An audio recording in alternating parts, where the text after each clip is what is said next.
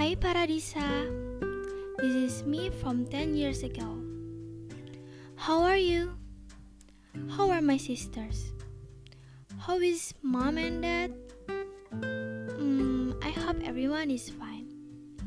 So, what do you work as? I'm hoping to be a psychologist.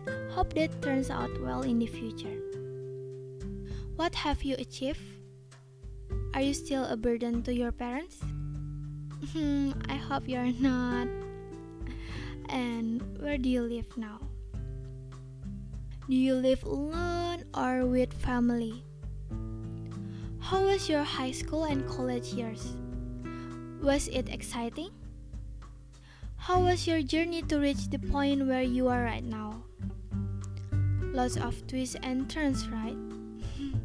Do you manage to go through it all?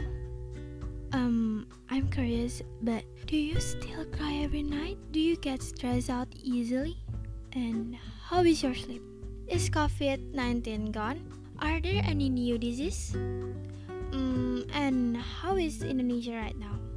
Speaking of the future, how many robots have you seen and you use? Mm, how about your financially? Do you make enough day by day? How are your sisters academically? Have they found their own paths? Are you married yet? I hope you found the right person. Mm, about your relationship, who are you with right now? With a new person or your ex, maybe? um, or are you busy trying to be a billionaire? By the way, do you still stop born like I am right now? I hope you're not. And how do you handle everything? What do you think about 2030? Okay. Do you still remember your birthday and celebrate it? Um, by the way, do you have friends? Oh, do you remember any of your old school friend? Who's your closest friend?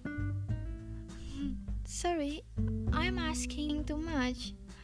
Seeing you healthy in the next 10 years already makes me grateful. So grateful.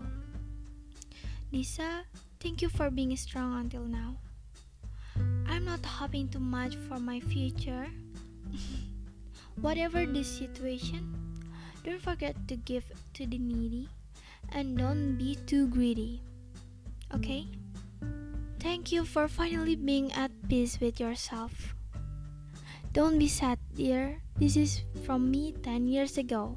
Hey, if you need me, I'm always here. The mini you is here.